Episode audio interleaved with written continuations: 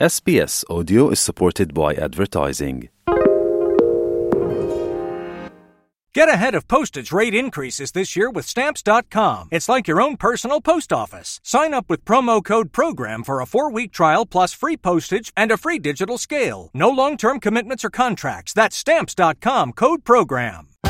الأخبار من اس بي اس عربي 24 في هذه النشرة مقتل أكثر من 240 فلسطينيا في غارات إسرائيلية على قطاع غزة رغم تحذيرات دولية من تزايد أعداد الضحايا المدنيين. ومقتل عائلة لبنانية في بنت جبيل إثر غارة جوية إسرائيلية فيما إسرائيل تقول إنها تعرضت لسبع جبهات منفصلة وسط الحرب الدائرة حاليا. عواصف كوينزلاند تودي بحياة تسعة أشخاص بينهم فتاة في التاسعة والبحث جار عن مفقودين. المعارضة تحث الحكومة على مراقبة أسعار المواد التموينية في محلات السوبر ماركت في ظل ارتفاع تكاليف المعيشة.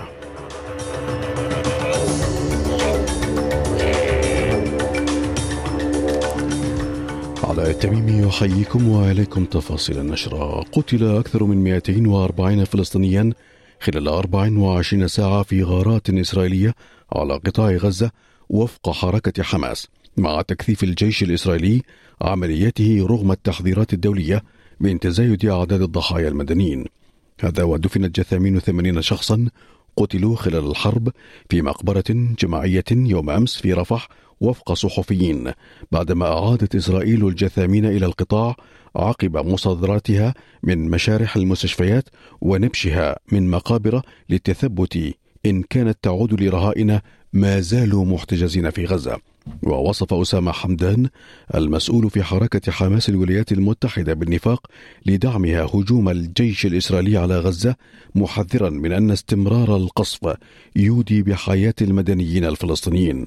وقال حمدان في خطاب له من العاصمة اللبنانية إن دولا عدة تتواصل للتوسط لإطلاق الرهائن ووقف الحرب الدائرة بين إسرائيل وحماس. تمارس إدارة بايدن بايدن أفحش لغة للنفاق. فهي تتحدث عن المدنيين وحمايتهم من جهة The American presidential Biden administration practices the obscenest language of hypocrisy. It talks about civilians and their protection on the one hand, and then it talks about protecting Nazis and murderers and providing them with weapons and political protection on the other hand.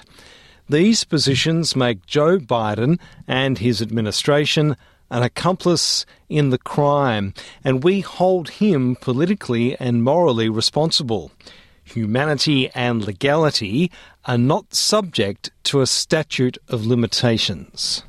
هذا وقال رئيس أركان الجيش الإسرائيلي هارتسي هاليفي إن الحرب في غزة قد תסתמר لأشهر عدة معتبرا أن هزيمة حماس ستتطلب قتالا حاسما ومتواصلا למלחמה הזו מטרות הכרחיות ולא פשוטות להשגה. This war has necessary and not easy goals to achieve. It takes place in complex territory. Therefore, the war will go on for many months, and we will employ different methods to maintain our achievements for a long time. في السياق ذاته أعلنت الحكومة الإسرائيلية أنها لن تمنح تأشيرات دخول تلقائية لموظفي الأمم المتحدة متهمة الأمم المتحدة بأنها شريكة متواطئة في تكتيكات حماس. واعتبر المتحدث باسم الحكومة الإسرائيلية إيلون ليفي أن المسؤولين الدوليين ظلوا لفترة طويلة يوجهون اللوم لإسرائيل متسترين على أفعال حركة حماس. In failing to condemn Hamas for hijacking aid and failing to condemn it for waging war out of hospitals, they have been complicit partners in Hamas's human shield strategy. They have let the world down we are demanding global accountability, and now we are leading by example. The Ministry of Foreign Affairs has announced that visa requests by UN employees will no longer be granted automatically and will instead be considered on a case by case basis. وكانت الأمم المتحدة قد أعلنت تعيين الهولندية سيغريد كاج كمنسقة للإشراف على شحنات الإغاثة الإنسانية إلى غزة في إطار قرار اتخذه مجلس الأمن الدولي يوم الجمعة الماضية لزيادة المساعدة الإنسانية وقالت الأمم المتحدة أن كاج ستكون منسقة الشؤون الإنسانية وإعادة الإعمار في غزة وستبدأ عملها في الثامن من شهر كانون الثاني يناير القادم. هذا وقد أجرى الرئيس الأمريكي جو بايدن اليوم محادثات هاتفية مع أمير قطر الشيخ تميم بن حمد الثاني ناقش جهود ضمان إطلاق سراح جميع الرهائن المتبقين لدى حماس بما في ذلك المواطنين الأمريكيين مع تسهيل تدفق مستدام للمساعدات الإنسانية المنقذة للحياة إلى غزة. في لبنان قالت وسائل إعلام لبنانية أن منازل في مدينة بنت جبيل الحدودية قد تعرضت لأضرار إثر غارة جوية إسرائيلية أودت بحياة ثلاثة أشخاص وإصابة آخر. وأفيد عن وسائل الإعلام اللبنانية أن أحد المتوفين يحمل الجنسية الأسترالية وقد حضر إلى لبنان مؤخرا لاصطحاب زوجته حيث يعمل. فيما قال الجيش الإسرائيلي أن إسرائيل تعرضت لهجمات من سبع جهات منفصلة وسط الحرب الدائرة ردت على ست منها.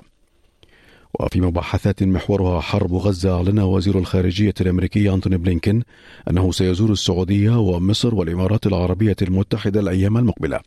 وكانت وزيرة وزارة الخارجية الأمريكية. قد أعلنت في وقت سابق أنه سيتوجه مساء الخميس إلى الأردن للقاء العاهل الأردني الملك عبد الله الثاني ورئيس السلطة الفلسطينية محمود عباس يوم الجمعة ثم يتوجه إلى قطر في وقت لاحق من ذلك اليوم.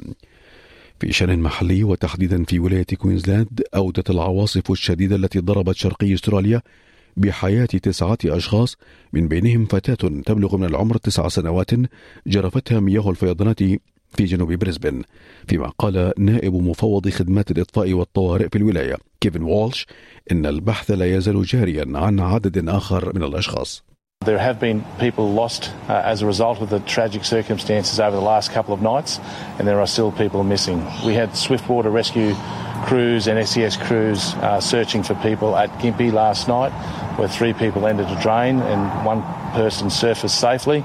Uh, unfortunately, we found another person deceased last night, and that search will continue today with the Queensland Police Service uh, to try and search for the third person. وفي شأن محلي آخر اتهمت المعارضة الحكومة الفيدرالية بإخفاقها لمساعدة الأستراليين لتخطي عقبات ارتفاع مواد تموين البقالة في حين صرح حزب العمال أنه يخطط لمراجعة قواعد سلوك الأغذية والبقالة في شهر تشرين الأول أكتوبر دون تحديد شخص لقيادة هذه المراجعة حتى الآن. وقال زعيم حزب الوطنيين ديفيد ليتل براود إنه لابد من مراقبة ومحاسبة محلات السوبر ماركت. When you see a 60, 70% reduction in sheep and lamb prices, yet only an 8% reduction at the checkout, someone's cleaning up and it's the supermarkets. And then you look at even watermelons, a dollar a kilogram, they're paying the farmers, but they're charging about four, four fifty a kilogram. And all you have to do is pick it out of a paddock and put it in a truck. ومع دخول القتال بين الجيش السوداني والدعم السريع شهره التاسع مع اتساع رقعته كثفت أطراف محلية ودولية وإقليمية دعواتها لإيجاد حل تفاوضي يوقف نزيف الخسائر التي بلغت أكثر من 12 ألف قتيل وفرار حوالي 8 ملايين شخص من منازلهم.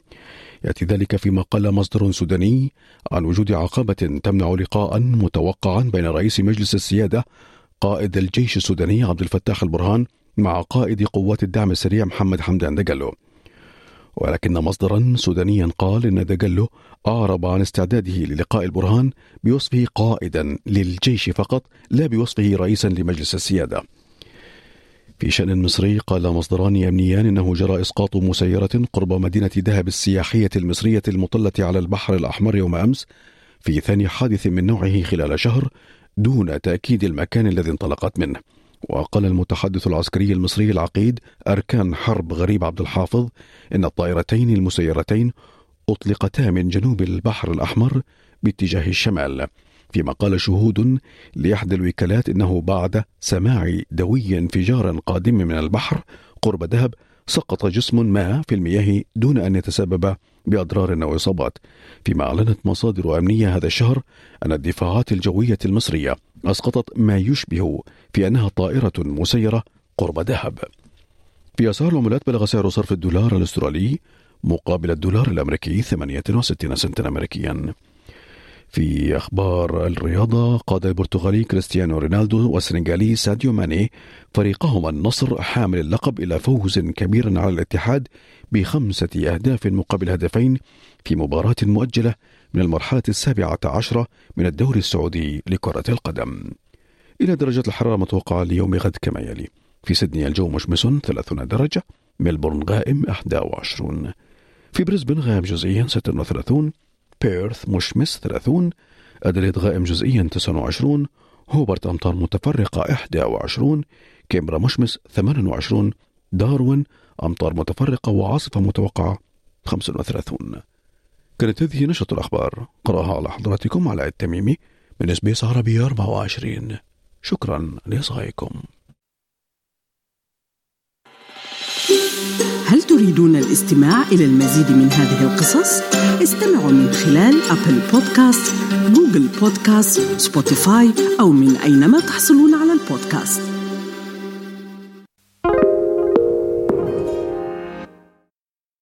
استمعوا الآن إلى الموسم الثاني من بودكاست أستراليا بالعربي. أحدث إصدارات SBS عربي 24 يأخذكم في رحلة استقرار بعض المهاجرين العرب ويشارككم بأبرز الصدمات الثقافية التي تواجههم عند وصولهم إلى أستراليا.